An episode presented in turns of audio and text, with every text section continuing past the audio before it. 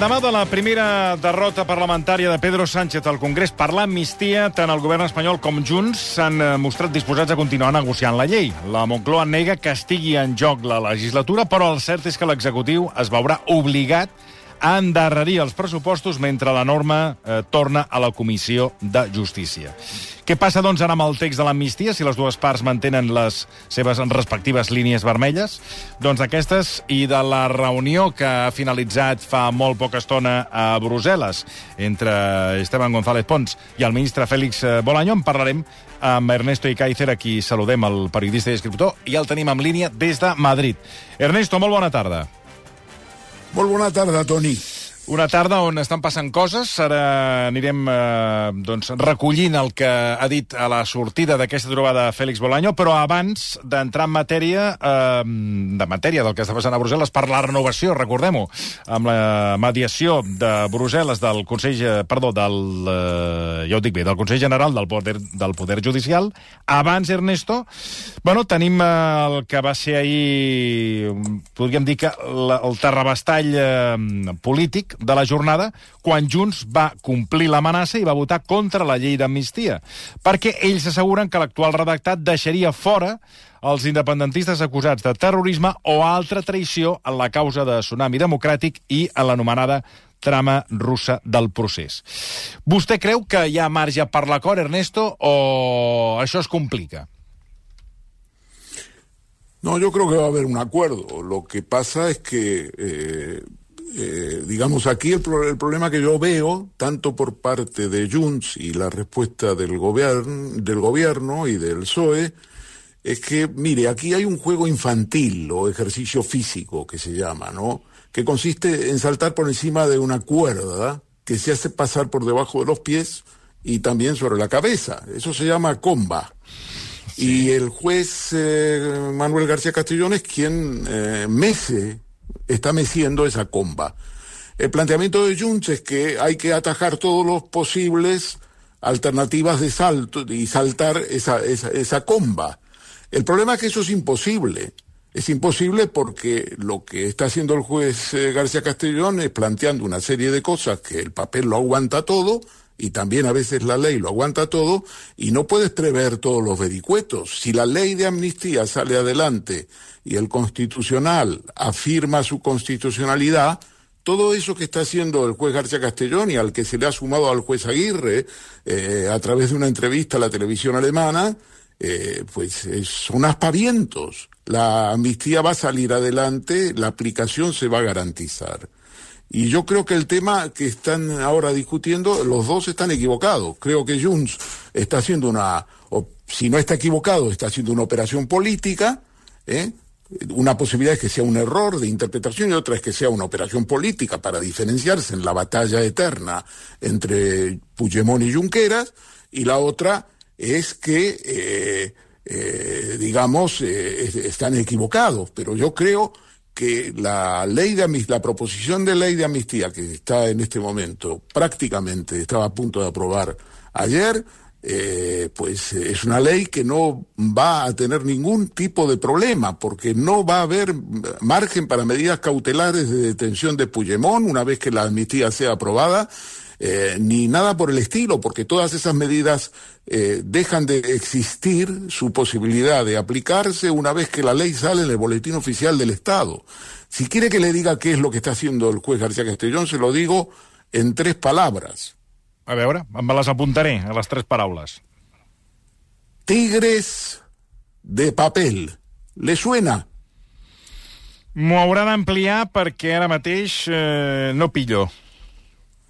Tigres de papel es una expresión china ¿Ah? de, fina, de, finales del siglo XIX que hizo luego famosa eh, Mao uh -huh.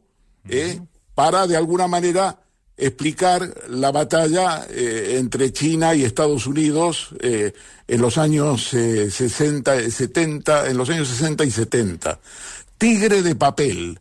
Y lo que está haciendo García Castellón es un tigre de papel, es una, eh, digamos, una operación que consiste en torpedear, asustar, mejor dicho, a los independentistas y al gobierno con un delito de terrorismo que no tiene ningún encaje legal por lo tanto no tiene ninguna perspectiva. Y además la, proposición de ley de amnistía dice que esa, esos delitos de terrorismo tienen que en, juzgados, en otros términos, no tienen un carácter indiciario. Es decir, lo que hace García Castellón como le decía, que el papel aguanta todo y también a veces la justicia y las calificaciones jurídicas y lo que está haciendo es poniéndolo de terrorismo de la misma manera que el juez Aguirre está planteando el delito de traición eh, en relación a que Puigdemont sería la agente de alguna manera de una potencia extranjera y ese es el delito eh, de traición en el Código Penal español. En otros términos, estaría incitando a la Rusia de Putin a una guerra eh, con España. Entonces yo lo que le quiero decir es lo siguiente. Estos dos argumentos no tienen, vamos, son completamente irracionales y no tienen ninguna sujeción. El problema consiste, eh, lo tendría el Supremo si quiere hacer el ridículo, porque si el juez García Castellón, que ahora está eh, a la espera de lo que diga el Tribunal Supremo sobre su exposición razonada, tendrá que el Supremo ver si quieres quedar en ridículo pidiendo eh, a Europa, al Parlamento Europeo, el levantamiento, eh, un suplicatorio levantando la inmunidad de mm, Puigdemont, porque sigue siendo diputado, con un delito de terrorismo absolutamente inexistente, basándose en la muerte eh, por un ataque cardíaco de una personalidad de nacionalidad francesa durante los hechos del año 19. ¿Quiere hacer el Tribunal Supremo ridículo? Pues ya lo veremos. Yo creo que no lo no y por lo tanto creo que es muy posible que cuando salga el fiscal, el, el informe de fiscal que se ha pedido por parte del Tribunal Supremo sobre el delito de terrorismo que plantea el juez García Castellón, el Tribunal Supremo probablemente le devuelva la exposición razonada al, al juez García Castellón y que le diga que siga investigando. Eh, Tony, esto ya pasó con eh, Pablo Iglesias, ¿eh? no me lo estoy inventando. ¿eh? Le elevó una exposición razonada, quería sentar en el banquillo a Pablo Iglesias, era todavía más importante que Puigdemont, era el vicepresidente del gobierno, Tony, vicepresidente del gobierno. Y le dijeron, mire usted, sigue investigando, sigue investigando. Y el señor García Castellón siguió investigando un año más, fíjese, un año y más hasta que finalmente archivó la causa. Es el caso del, teléfono móvil, ¿no, Ernesto? El caso de la tarjeta del móvil de Dina sí, el caso Dina. Dina, sí, sí. Y entonces lo archivó, no llegó a ninguna parte, pese a que los fiscales le dijeron que él no podía perseguir de oficio eh, ese delito. Eh, porque un delito de revelación de secretos, en el caso este de la tarjeta de móvil de la secretaria de Pablo Iglesias, tenía que denunciarlo ella. Pero él siguió adelante y terminó en la nada. Entonces, lo que está haciendo el juez García Castellón es haciendo pasear unos tigres de papel para, de alguna manera, tratar de asustar a, a Junts y también al gobierno, y lo ha conseguido, porque Junts ha entrado en la trama el gobierno ha entrado en la trama, han hecho modificaciones y finalmente Junts ha insistido ayer en unas nuevas modificaciones que el gobierno eh, no aceptó. Yo creo que el gobierno no tiene que modificar más y Junts no tiene que pedir que se modifique más. Creo que Junqueras, ayer la única personalidad en este país, con fuerza, con entereza, con un equilibrio notable, se llama Uriol Junqueras, desde la tribuna del Congreso i en la respuesta a los periodistes.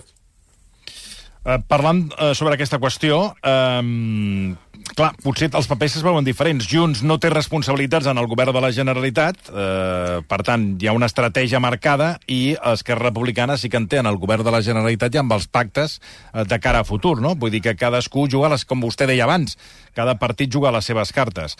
Ara, vist això... Sí. Digui, digui, perdoni. Sí, pero Junqueras ha hablado sobre la ley y el, proyecto de ley y ha explicado que es sólido y que, mm, en fin, que tiene todas las garantías, que si esta ley el Tribunal Constitucional la aprueba, la aplicación será eh, sí o sí, Tony. Eh, fíjese, eh, ¿quiénes están difundiendo formularios para elevar cuestiones prejudiciales a Europa y quiénes están difundiendo formularios para elevar cuestiones de inconstitucionalidad, manuales, toda la judicatura está en este momento invadida por esto. Estos forman parte del Tribunal Superior de Justicia de Albacete. ¿De acuerdo? Sí. De Albacete. ¿Usted sabe cuántos casos de independentistas eh, que tienen problemas judiciales hay en Albacete? Mm, cap? Ninguno. Per això, és el que anava a dir. Ninguno. ¿Usted sabe cuántos hay en Andalucía? Ninguno. Estos son los que se están moviendo. Ningún juez de Cataluña, salvo uno de Girona, pero que ha obrado en sentido contrario, se ha movido en este sentido. Todos los eh, directores de escuela, los eh, Mossus, los eh, eh, policías afectados, todos esos básicamente estarán en manos de jueces catalanes. En Girona un juez lo que ha es suspendido un procedimiento a la espera de la ley de amnistía. Es decir, en Cataluña tendrán interés los jueces por aplicar inmediatamente la ley de amnistía. Y como no serán casos tampoco importantes, nos enteraremos muy pocos de esto. Todo este ruido es un ruido, son aspavientos. Y lo que es son aspavientos porque la derecha quiere obstaculizar todo lo posible la aplicación de la ley de amnistía que sabe que lo tiene perdido, porque esa ley de amnistía tiene caracteres constitucionales. Y la constitución eh, no hay ninguna ninguna norma en la constitución que diga que la amnistía está prohibida o que tiene encaje constitucional. Jo li volia o que no tiene encaje, que no tiene encaje constitucional. Todo lo contrario. Hay normas que precisamente, normas que precisamente indican que la amnistía tiene encaje constitucional. No, li anava a preguntar si, vist com estan les coses, vist com van les coses, si vostè creu encara que Carles Puigdemont eh, podrà tornar a Catalunya gràcies a aquesta llei d'amnistia. Si és que finalment tira endavant. Absoluta, absolutamente, y se lo firmo, Tony, con la ley que se iba a aprobar ayer, se lo firmo, no podrán detenerle porque no va a haber lugar a medidas cautelares. Una vez que la ley de amnistía sale del BOE, luego viene su aplicación. Si se eleva una cuestión prejudicial ante el Tribunal de Justicia de la Europea, se suspende la aplicación de la amnistía, pero el procedimiento no sigue contra Puigdemont porque la ley ha salido en el BOE. El juez que tiene la duda tendrá que suspender el procedimiento, pero las decenas de jueces que están en Cataluña que no han presentado cuestión prejudicial seguirán aplicando la ley de amnistía. Es todo un cuento chino, es un tigre de papel, por eso digo que es un cuento chino, porque el tigre de papel es una invención de la literatura china en el año 19 y se hizo muy famosa cuando Mao dijo que Estados Unidos era un tigre de papel. Parlant de, de jutges, les, i que vostè que feia referència al jutge Manuel García Castellón, també tenim un altre jutge, que és el Joaquín Aguirre, el del jutjat d'instrucció número 1 de Barcelona. Um, és, és, una, és insòlid, Ernesto, que un jutge opini, que és el cas de Joaquín Aguirre, opini obertament d'un cas que està investigant i ho fa defensant públicament la tesi de l'acusació. Eh, no li sembla com a mínim greu eh, aquest fet? Ho, fa, ho ha fet en una televisió, en una entrevista a Alemanya? Bueno, eh, usted mismo lo ha dicho, pero lo que le quiero decir es que esto opera en el cuadro, en el cuadro de lo que usted sabe que yo siempre he llamado el Estado judicial español. Es un Estado donde ese Estado ocupa el centro de la actividad política. La cantidad de noticias que salen en los diarios, Tony, todos tienen que ver con actividades criminales, penales, cuando no es la corrupción. Todo el tema judicial está en el centro, en el epicentro de la vida política. El juez Aguirre no se corta un pelo, ya tiene, se ha levantado la veda. La ley de amnistía, el proyecto de ley de amnistía ha levantado la veda y por lo tanto han salido todos de los avisperos. ¿eh? Todos los que estaban cobijados han salido. El juez García Castellón dijo en el mes de octubre, yo he reconstruido hoy en el periódico de Cataluña toda su trayectoria, que también es objeto de mi libro. En mi libro eh, eh, Operación Jaque Mate yo cuento cómo trabaja el juez García Castellón eh, y cómo actúa en relación a los casos en la Audiencia Nacional. Y, por tanto, estoy hablando de la realidad, no de mi opinión subjetiva sobre un juez. Y entonces, todo esto tiene que ver con el hecho de que hay una coalición judicial que está intentando poner piedras en el camino de la ley de amnistía, porque sabe que esa ley de amnistía eh, tiene grandes posibilidades de ser eh, eh, afirmada su constitucionalidad en el Tribunal Constitucional.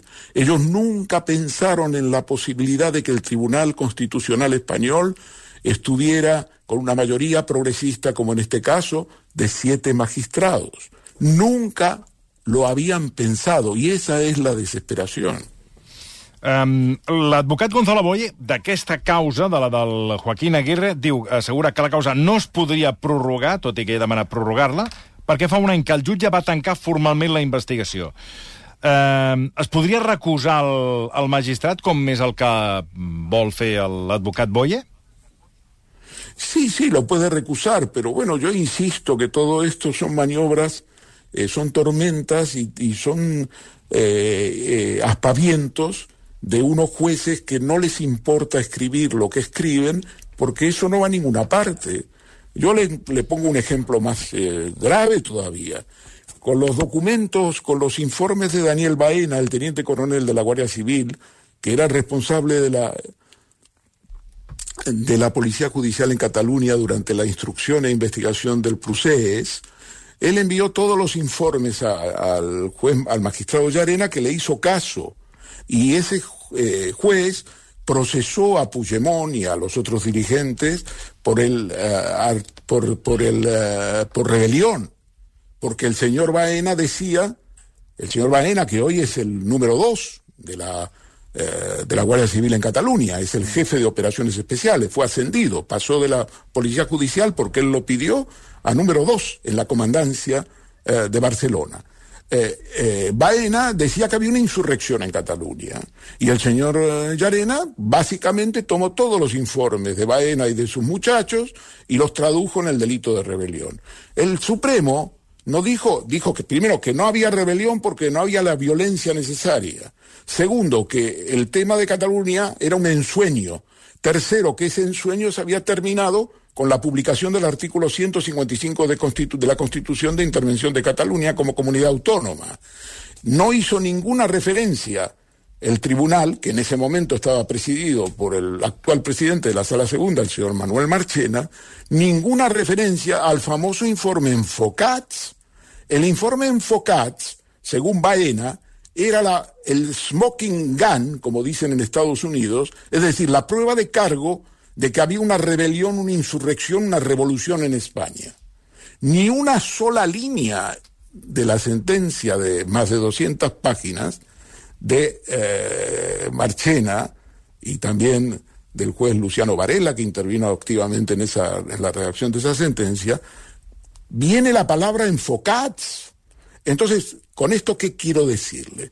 Que los jueces en la instrucción ponen lo que sea y si tienen que inventarse ahora un delito de terrorismo por unas manifestaciones callejeras y que hoy el señor Feijó dijo que era terrorismo y fascismo, hay terror y fascismo en Cataluña, dijo, ¿eh?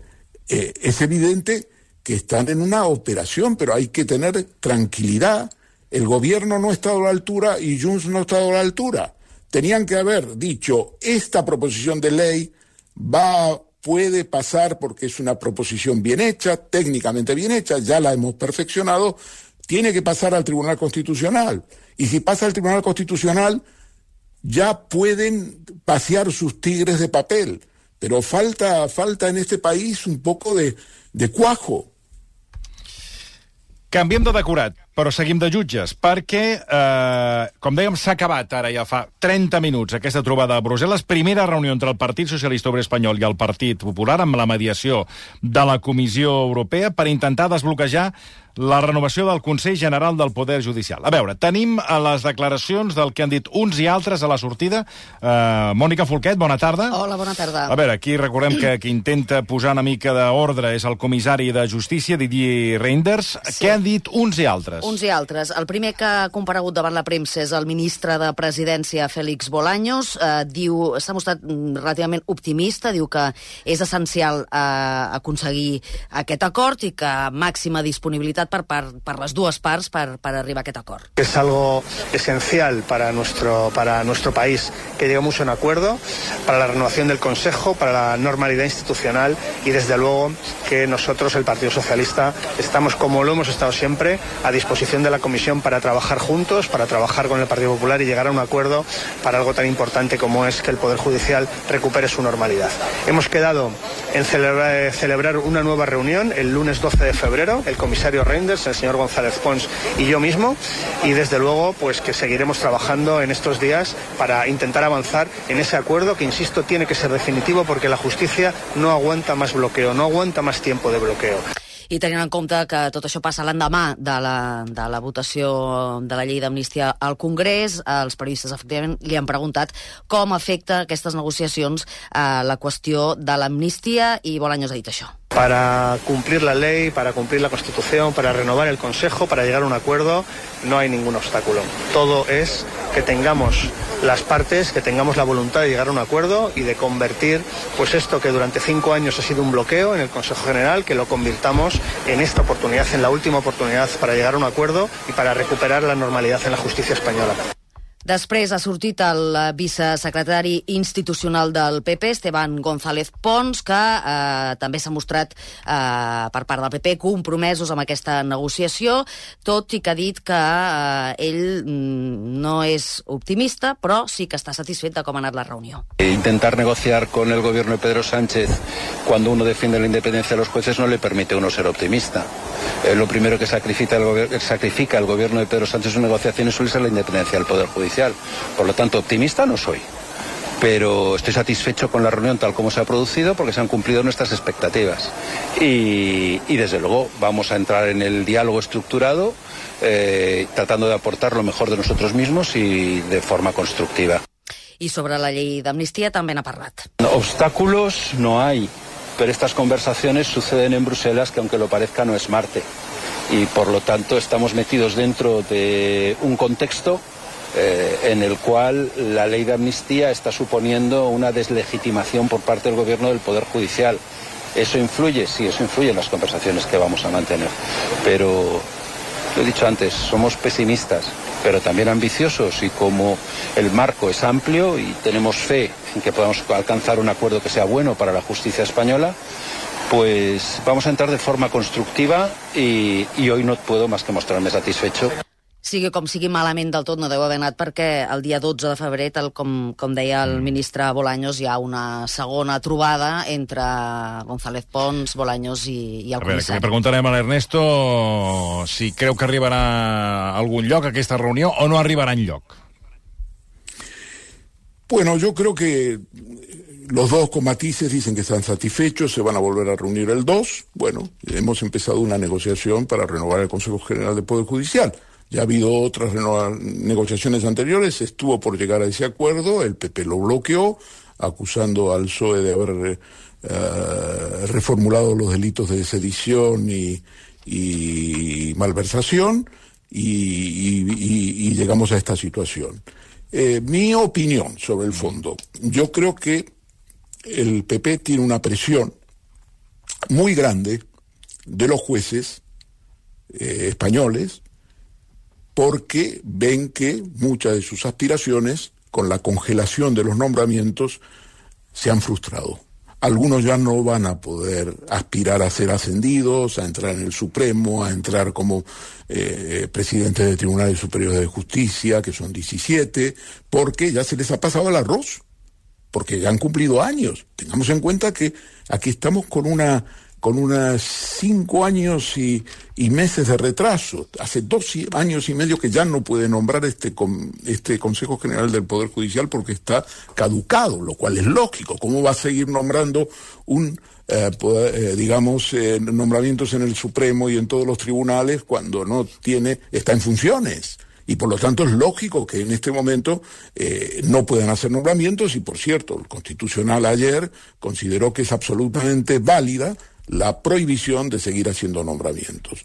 Por lo tanto, yo creo que el problema lo tiene ahora el PP, El PP tiene la presión de los jueces, de la Asociación Mayoritaria de los Jueces, la APM, la Asociación Profesional de la Magistratura, de la de Francisco de Vitoria, porque quieren que haya nombramientos, porque los jueces quieren progresar y están en este momento completamente eh, paralizado todo el sistema de nombramientos. Y entonces creo que el PP tiene un problema. El problema es que, eh, digamos, los jueces que son propicios al PP, en este momento no les gusta Feijó, no les gusta lo que está haciendo Feijó. ¿Por qué? Eh, no por la ley de amnistía, sino porque no les deja progresar, porque no les deja ascender en la escala.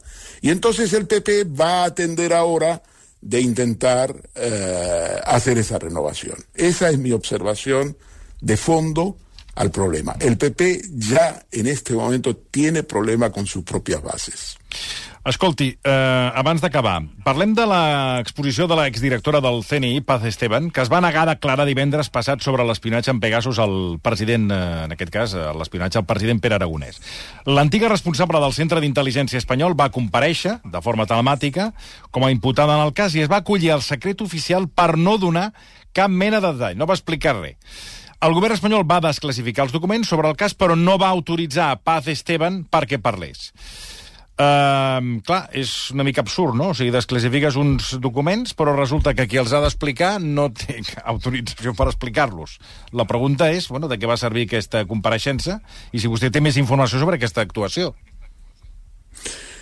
Bueno, yo creo que la desclasificación de los documentos ha sido importante por parte del gobierno, aunque sean documentos que ya se habían llevado a la Comisión de Secretos Oficiales, son tres autos, un auto y dos, pro, dos prórrogas, que firmó el juez eh, Pablo Lucas. Eh. Pablo Lucas es el juez encargado dentro de la sala tercera del Tribunal Supremo, la sección cuarta, para visar, escuchar y dictar autos autorizando o denegando intervenciones telefónicas, seguimientos y otro tipo de medidas que suponen restricción de derechos fundamentales.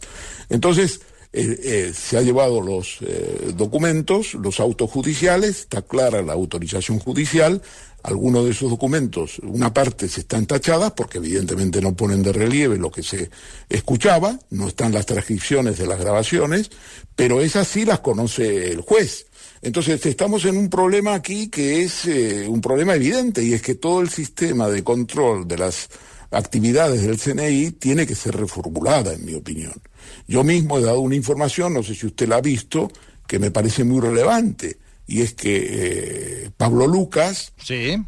autorizó jutge, las, sí, correcte. Les, les, les escoltes telefòniques. Bueno, la, la, las escuchas telefónicas de, de, de, Aragonés, sí. de Uriol Junqueras correcte. y de otros, y al mismo tiempo revelaba yo este fin de semana que eh, al mismo tiempo que autorizaba las intervenciones, eh, eh, participó primero como miembro de, esa sala, de la sala de la sección cuarta, y, más tarde como ponente en una sentencia contra Junqueras. Entonces decía, yo digo, hombre, el juez y escucha, digamos, tiene acceso a las transcripciones de las personas a las cuales autoriza escuchar, ¿no? Uh -huh. Sí, correcte. Y aparte de eso, participa en la sala, es decir, en el tribunal, y luego incluso es ponente, como en el caso eh, de Pablo Lucas, en mayo del 2021, de una sentencia contra Junqueras. Hombre, es eh, una situación absolutamente irregular, uh -huh. porque él tiene acceso a información ¿eh? que es información secreta, es una información privilegiada, si se quiere, y al mismo tiempo está fallando, ¿eh? sabiendo todo eso, en otro caso contra el independentismo en el caso de Junqueras. Esto tiene que tener alguna reformulación, no puede ser que el juez escuche eh, y usted dice, bueno, ¿y cómo sabe que el juez escucha? No, no, no, es que el juez del CNI, que autoriza las intervenciones del CNI, cuando vas a pedirle una prórroga, le tienes que rendir eh, los resultados de la primera intervención. Tienes que contarle por qué eh, quieres que intervenga el teléfono y luego los resultados de esa intervención y luego por qué precisamente pides una prórroga de un mes o de dos meses o de tres meses. Entonces el juez lo sabe todo de esa intervención, porque esa es la garantía de que él, eh, eh, digamos, se, puede restringir parcialmente o momentáneamente los derechos fundamentales de una persona porque eh, hay razones de fondo. Entonces ese mismo juez es el que luego participa en una sala como miembro y en otra sala como ponente contra, en este caso, Uriol Junqueras. Entonces, claro, fíjese la paradoja de esto, Tony. Como todas estas actividades son secretas, Uh -huh, sí. el, el auto del juez es secreto, uno dice, bueno, ¿y entonces por qué no se ha abstenido? ¿No? Sí, sí. Dice, como yo he participado, Ah, en la- eh, como yo he escuchado, he autorizado a escuchar, luego me han rendido cuentas y me han contado lo que se ha dicho, yo me abstengo. Claro, pero cuando tú te abstienes, tú tienes que decir la razón de la abstención. Él teóricamente no puede decir que se abstiene porque ha autorizado una intervención telefónica. ¿Por qué no lo puede decir? Porque es secreto. Estaría revelando un secreto. Entonces, fíjese lo surrealista que es la situación. Más surrealista todavía es que la derecha propuso el nombre de Lucas para llevarla constitucional. Imagínese usted, con todos los recursos pendientes del independent, de dirigentes independentistas, del procés, todo, todo lo, que, lo que hay allí, imagínese un, imagínese un juez que ha autorizado intervenciones telefónicas de Puigdemont, de Junquera, de Aragonés y de otros, yendo al Tribunal Constitucional. Bueno, no ha ido, pero le quiero decir con esto eh, lo, digamos, lo escandaloso que es este sistema. Este sistema hay que reformularlo. El juez Pablo Lucas está desde el año 2009 como juez del CNI. Tiene un sustituto. ¿eh? Tiene un sustituto que cuando no está él o comparte con él las actividades. Eh, y eh, mm, su mandato, el mandato del juez Pablo Lucas, vence en noviembre de este año. Yo creo que él ya no va a ser más, supongo, juez del CNI, pero lo que es importante es que tenemos que reformular legalmente toda esta situación. Ernesto, una abraçada molt forta. Moltíssimes, moltíssimes gràcies per acompanyar-nos. Cuidis. Gràcies, Gràcies, adeu. bona tarda. Adéu-siau. Ernesto Ikaizer, l'escriptor, el columnista, que ens acompanya cada, pràcticament cada dimecres a aquesta hora. Ara, d'aquí, res, 3 minuts parlarem d'un festival que intenta fer-se lloc a casa nostra, que no és altre que el Barcelona Film Fest. Eh? El eh, Festival de Cinema de Barcelona, que Ah, a veure sí, si entre tots el sí. cuidem una mica i el, i el fem créixer. Ens ho explicarà la Maria Xinxó, que ja, la, que ja ens acompanya. D'aquí, res, dos minuts i mig.